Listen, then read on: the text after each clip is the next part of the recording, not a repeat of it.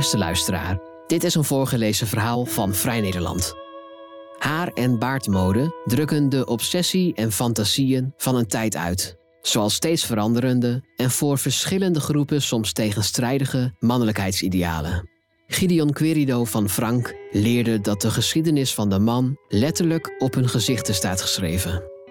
Lou Anna Druivenstein leest voor. We passeren elkaar in de nauwe deuropening van de bar. Ik ga naar binnen. Hij, midden dertig, onder de tattoos, ruige baard, gaat naar buiten. We schuren horkerig langs elkaar heen. Maar wanneer we elkaar aankijken, verschijnt er een schittering in zijn ogen. Kennen we elkaar? Nee, toch? Hij blijft in de deuropening staan, waarderend knikkend. Een grijns gaat tenslotte over in een glimlach waar genegenheid uitspreekt. Hey bro, zegt hij gnuffelend. Goeie baard. En hij loopt door naar buiten. Tot 17 september presenteert het Musée des Arts Décoratifs in Parijs de Chevaux et des Poils, een grote expositie over haardracht in de westerse kunstgeschiedenis. Haardracht in de breedste zin van het woord, van kapsels tot snorren, baarden en lichaamshaar, geschoren en ongeschoren. Door de tentoongestelde kunstwerken in de context van een tijd te plaatsen, laat het museum zien hoe een bepaalde vorm van haardracht en de populariteit daarvan, zoals alle vormen van mode, uitdrukking zijn van de obsessies en fantasieën van het tijdperk waaruit ze stammen.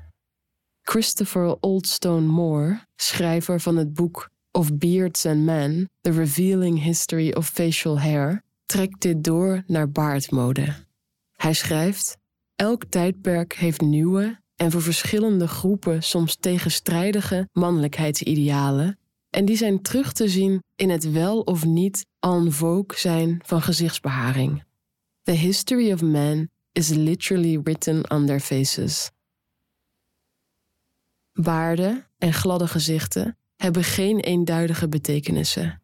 Zo was de baard in de tweede helft van de 19e eeuw met veranderende genderverhoudingen en koloniale onrust populair omdat gezichtsbeharing mannelijke superioriteit en westerse dominantie symboliseerde. Heel iets anders betekende gezichtshaar in de eeuw daarop. Tijdens de crisisjaren en later tijdens de wederopbouw was het belangrijk dat mannen jeugdige energie aan de dag legden. Een glad gezicht gaf een man een jongere en dus bekwamere uitstraling. Door de associatie van een geschoren kaaklijn met burgermansfatsoen en later met Vietnam-militairen was het logisch dat de critici van de gevestigde orde, de provo's en de hippies, haar zouden kiezen als het symbool van politiek protest en vrijheid. Hair, hair, hair.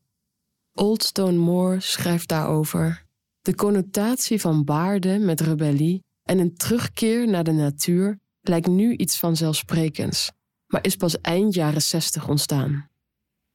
Een grimmiger voorbeeld, de reden dat mannen eind jaren 80 van de vorige eeuw weer afscheid namen van hun gezichtshaar, was de opkomst van aids.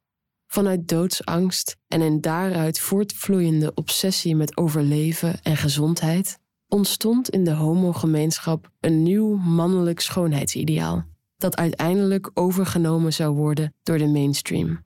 Het lichaam moest niet alleen sterk en afgetraind zijn, maar ook observeerbaar.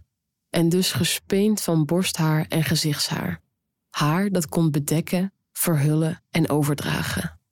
Was gezichtsbeharing vanaf toen een absolute faux pas? De afgelopen tien jaar zijn baarden teruggekomen van weg geweest. Celebrities, voetballers, politici en ook de koning gaan ongeschoren door het leven. In grote steden struikel je over de barbershops en het internet wordt overspoeld door blogs en Instagram-profielen gewijd aan mannen met snorren en baarden. Wat is hier aan de hand? Hillary Clinton noemde ze de basket of deplorables, laag opgeleide mannen die met het verdwijnen van het klassieke kostwinnerschap aan de verliezende hand zijn. Voornamelijk wit en heteroseksueel voelen ze zich bedreigd door MeToo, de LHBTQ-beweging, Black Lives Matter en andere minderheidsgroeperingen die hun rechten opeisen. Ze voelen zich niet thuis in een gefeminiseerde, gendergelijke en inmiddels ook genderneutrale samenleving en volgen politici en populisten als Andrew Tate en Jordan Peterson die pleiten voor een terugkeer naar zogenaamde westerse waarden en traditionele rollenpatronen. Ze vormen een minderheid, maar hun geluid is deel van een algemene tendens. Mannen die denken in het verdomhoekje te zitten. Uit angst voor de vrouwelijke opmars met zijn onduidelijke rolverdeling wordt er in menige film, soap en commercial gehamerd op de zogenaamde verschillen tussen de twee binaire sekses. Worden mannen neergezet als heer en meester, behept met traditionele eigenschappen zoals leiderschap en daadkracht. Zoals alles wat zich bedreigd voelt, moet ook dit mannelijkheidsideaal voortdurend uitgedragen, getoond en bevestigd worden. In gedrag en in uiterlijk. En wat is mannelijker dan een baard? De baardenhype van deze tijd is geen vrijblijvende ijdeltuiterij, maar lijkt eerder een wapen om het traditionele, hegemonische man zijn mee uit te dragen. De baard benadrukt niet alleen het verschil met vrouwen, maar ook de uniformiteit en daarmee de kracht van het mannelijke front. De baard als panzer, nu eens niet tegen elkaar, maar met elkaar. En tegen alles en iedereen die de eenheid van de broos aantast, of van wie dat gedacht wordt. Dat panzer is natuurlijk ook een masker. Een deel van het kwetsbare gezicht wordt bedekt en voor de buitenwereld verborgen gehouden. Onderdeel van de huidige baardenhype is het gepronk met baarden van mannen onder elkaar. Niet alleen in mannelijke domeinen zoals de barbershop en de sportschool, maar ook online. Dit is meer dan alleen een wedstrijdje wie de grootste en de mooiste heeft, waarmee de positie op de apenrots wordt bepaald, maar fungeert ook als sociaal bindmiddel tussen mannen onderling, omdat hun baarden hen als groep onderscheiden en daarmee verenigen. hey bro, goede baard. En dat is nou net mijn probleem. Ik heb nooit een man willen zijn. Van jongs af aan identificeer ik mij met beelden die aan vrouwen en vrouwelijkheid worden toegeschreven. Als kind speelde ik met poppen, droomde ik ervan een prinses te zijn en was mijn moeder, een sterke Joodse vrouw, mijn heldin. Het is niet dat ik mij als transgender identificeer en een vrouw wil zijn, maar niets wat met mannen te maken had, vond ik aantrekkelijk. Het leek een wereld vol getrek en geschreeuw. Een wereld waarin alles in het teken stond van competitie en constante strijd. Een wereld vol harde metalen en donkere kleuren. Kortom, een wereld die de mijne niet was. En die afkeer was geheel wederzijds. Ik hoorde er niet bij en werd met rust gelaten. Maar toen was daar de puberteit en daarmee de verwarring. Ik merkte dat ik mij aangetrokken begon te voelen tot die groep waarvan ik dacht dat ik er niets mee te maken wilde hebben. Jongens. In de kleedkamer, na de gymles en voor het verplichte douchen voelde ik mij meer dan elders een vreemdkörper. Angstvallig zorgde ik ervoor dat een handdoek alles bedekte. Niet alleen vanwege mijn mollige vormen, maar vooral uit vrees dat mijn lichaam mijn opwinding over die andere naakte jongenslichamen zou blootgeven. Maurits de Bruin schrijft over dit gevoel dat zoveel homoseksuele mannen met elkaar delen, dat ik niet paste binnen de kaders van wat een middelbare schooljongen hoorde te zijn, was mij en iedereen die wist wat die kaders inhielden wel duidelijk. Maar dat ik uitgerekend gelde op jongens die daar wel aan voldeden, wilde ik niet eens begrijpen. Mijn verlangen leidde tot schaamte, want wat ik van die jongens wilde, was natuurlijk niet de bedoeling. Dat gaf de wereld om mij heen wel te kennen. Het waren de hoogtijdagen van de aidscrisis. De woorden mietje en flikker vlogen je om de oren. Niet alleen op school, maar ook in films en op televisie. Voortdurend werden homoseksuelen neergezet als pervers en ziek. Met als belangrijkste boodschap: een homoseksueel kan nooit een echte man zijn. Prima. Want nog voordat ik afgewezen kon worden, had ik die hele mannelijkheid de rug toegekeerd. En als volwassene identificeerde ik mij, oud en proud, als flikker, als vrouwelijke homo, misschien wel als non-binair of genderfluïde, maar nooit als man. Het nieuwe millennium brak aan. Ik kleedde me rebels, verdiepte me in queer activisme en keek neer op de sportschoolhomo's, de overlopers die aan de wetten van mannelijkheid voldeden. En toen, zo'n tien jaar geleden, waren daar die mannen met baarden. Ik was gefascineerd en omdat je er eigenlijk niets voor hoefde te doen, behalve wachten, prijkte er ook op mijn gezicht al snel een volle baard. Hij stond me meer dan goed. Ik was blij eindelijk een mannelijke kaaklijn te hebben, althans de illusie daarvan. Iets wat ik stiekem altijd had geambieerd. Maar toen ik voortdurend door hetero mannen werd gecomplimenteerd met mijn woeste baard, ik door hen bro en gast werd genoemd, en ik daar keer op keer van genoot, vroeg ik mij af of ook ik uiteindelijk was gezwicht voor de vijand. Castro-clones heten ze. Jonge, gay mannen die na de Stonewall-rellen in 1969, waarin de LHBTQ-gemeenschap massaal in opstand was gekomen tegen homofoob politiegeweld, vanuit heel de Verenigde Staten naar wijken als Greenwich Village in New York en Castro en Haight Asbury in San Francisco trokken om met elkaar vorm te geven aan een nieuwe tegencultuur vol rebellie en seksueel zelfbewustzijn. Een van hen, fotograaf Hal Fisher, publiceerde in 1977 Gay Semiotics, a photographic study of visual coding among homosexual men. Een ludiek foto-essay waarin de iconografie en codes van die subcultuur worden getoond. We zien doodnormale objecten als zakdoeken en sneakers en queers in jeans, ruige jassen en sportkleding. Stuk voor stuk accessoires die behoren tot het mannelijke, lees heteroseksuele domein. Maar door ze door homoseksuelen te laten dragen en door ze te seksualiseren, zo wordt uitgelegd dat de kleur en de positie van de zakdoek in de kontzak de seksuele behoeften van de drager communiceert, veranderen de accessoires van betekenis. En belangrijker, de geportretteerden eigenen zich hiermee mannelijkheid toe, en wel op hun eigen wijze. Het was ook het decennium waarin de leerscene populair werd. Een subcultuur waarin gay mannen zich hullen in hypermasculine, vaak quasi-militaire outfits. Niet om voor hetero door te gaan, want ze tonen zich niet alleen als houder, maar ook als object van de blik. Hoewel over the top is dit meer dan alleen een spel.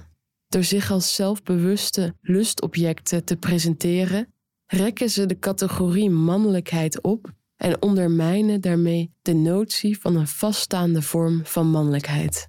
Postmodern zou je kunnen stellen dat deze hypermasculiniteit, net als drag, laat zien dat elke genderexpressie zowel legitiem als een performance is. En overal pronkten snorren en baarden, daar in de jaren zeventig. De symbolen van bevrijding van de Love Generation werden al snel ingelijfd in de nieuwe gay zelfrepresentatie. De leernichten en de Castro-clones en iedereen die op hen wilde lijken, droegen ze allemaal. Het voelde niet meer dan natuurlijk. Want wat is tenslotte mannelijker en wat is seksueler dan haar dat exclusief uit een mannenlichaam komt? Haar dat zweet en geur van het lichaam met zich meedraagt en zich schaamteloos, trots zelfs aan de wereld toont. Gay semiotics is een getuigenis van een uniek tijdperk in de geschiedenis, waarin queers massaal hun rechten opeisten om vervolgens met elkaar uiting te geven aan wie ze waren en wat ze verlangden. Nog steeds raak ik ontroerd wanneer ik beelden zie van deze brave new world, waarin helden op de barricade stonden en waarin lachende Castro-clones eindeloos flaneerden, cruisten en dansten op disco. Allemaal vrijgevochten, dapper en weelderig behaard. Deze tijd heeft voor veel queers een iconische status en is een ankerpunt van onze identiteit. Niet alleen vanwege zijn verdiensten, maar ook omdat deze periode in zo'n contrast staat met de vernietigende backlash die hierop volgde. We weten allemaal waar krap een decennium later de Castro-clones zouden eindigen: in ziekenhuisbedden en graven. Wanneer je leeft in een wereld die niet de jouwe is, ben je voortdurend op zoek naar alternatieve beelden die jouw verhaal vertellen. Mijn baard is een manier om eer te betonen aan mijn geschiedenis en aan de mensen die voor mijn gemeenschap de weg hebben vrijgemaakt en wier levens zijn weggevaagd. Kort na de pandemie ging ik naar Berlijn om mannen te interviewen over wat gender voor hen betekent. Jonge, heteroseksuele hipsters die zich voorstaan op hun vrouwelijke kant en niet schromen deze te laten zien.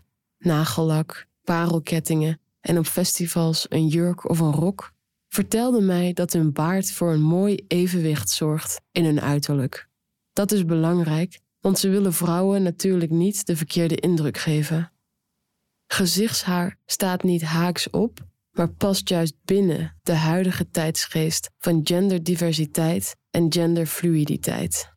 Veel jonge queers en non-binaire personen combineren hun baarden en snorren met een flamboyant uiterlijk dat veelal met vrouwelijkheid wordt geassocieerd. Doel van een mix en match is alle identiteiten claimen en op losse schroeven zetten. Drag queen Georgian Roses verwoordt het zo. Mijn baard is een politiek statement. Het is een grote fuck you naar gendernormen. Met zogenoemde bears praat ik over een uiterlijk dat veelal niet te onderscheiden is van dat van sommige heteromannen. Groot, robuust en harig. Ze maken mij duidelijk dat dit weinig te maken heeft met het incorporeren van een heteronorm, maar juist met het vieren van hun lichamen zoals ze zijn.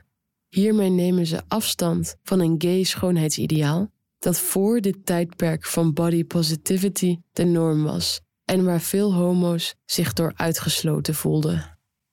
Een transgender persoon vertelde mij geëmotioneerd dat zijn baard een symbool is van de mannelijkheid die hem was ontzegd bij zijn geboorte.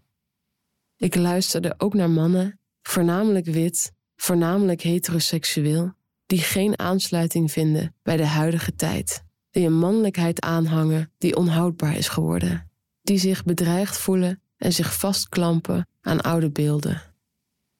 Ik luisterde naar mannen die vastzitten omdat ze overlopen van emoties, maar nooit hebben geleerd die te uiten. Mannen die zijn ingeprent dat jongens niet mogen huilen en dat je pijn moet overschreeuwen met lawaai. Mannen die verbondenheid met andere mannen voelen, maar die alleen maar kunnen uiten door middel van competitie en door het ruw op elkaars rug slaan bij alles wat dreigt uit te lopen op een omhelzing. Op hun beurt luisterden deze mannen naar mijn verhaal. Ik vertelde hoe het was om tussen hen op te groeien, hoe hun wereld mij afstootte en tegelijkertijd aantrok, hoe ik ze bewonderde om de zelfverzekerdheid waarmee ze naakt door die kleedkamer paradeerden, om hun lef en om hun lawaai.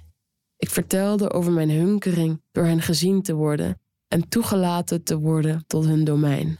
Over de pijn van mijn besef dat dit nooit zou gebeuren over mijn gevoel van falen en schaamte. Hey bro, goede baard, zegt hij gniffelend tegen mij in de deuropening van de bar. Het is een kort moment, gewoon een compliment van een vreemde in het voorbijgaan. Toch raken zijn woorden mij. Niet omdat ik een bro ben en er een wil zijn, en ook niet omdat ik volledig word gezien voor wie ik ben. Daar is meer voor nodig. Maar omdat zijn woorden hoe luchtig en terloops ook, een aanzet kunnen zijn voor iets wat wezenlijk is voor elk mens: verbinding.